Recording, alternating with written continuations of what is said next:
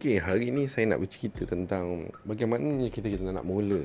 Bermulanya sesuatu benda yang kita orang kata apa planning dan juga execute. So, pertama sekali pada saya uh, boleh mengikut daripada saya punya uh, lifestyle saya daripada apa yang saya buat. Saya biasanya kira orang kata apa bila ada sesuatu benda saya nak bergerak, saya nak mulakan sesuatu yang best, saya akan lakukan sesuatu dengan orang kata apa dengan perancangan lah. So pertama sekali apa kita buat? Biasanya kita mengeluarkan sekeping kertas dan kita mula tulis. Apa kita buat? Biasanya kita akan buat di awal pagi dan juga di ataupun sebelum nak tidur.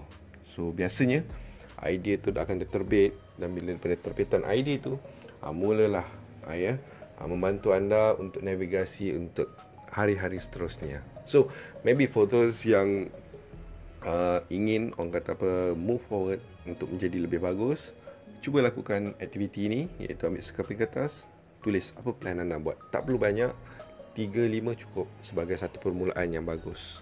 Okey itu saja perkongsian saya. Bye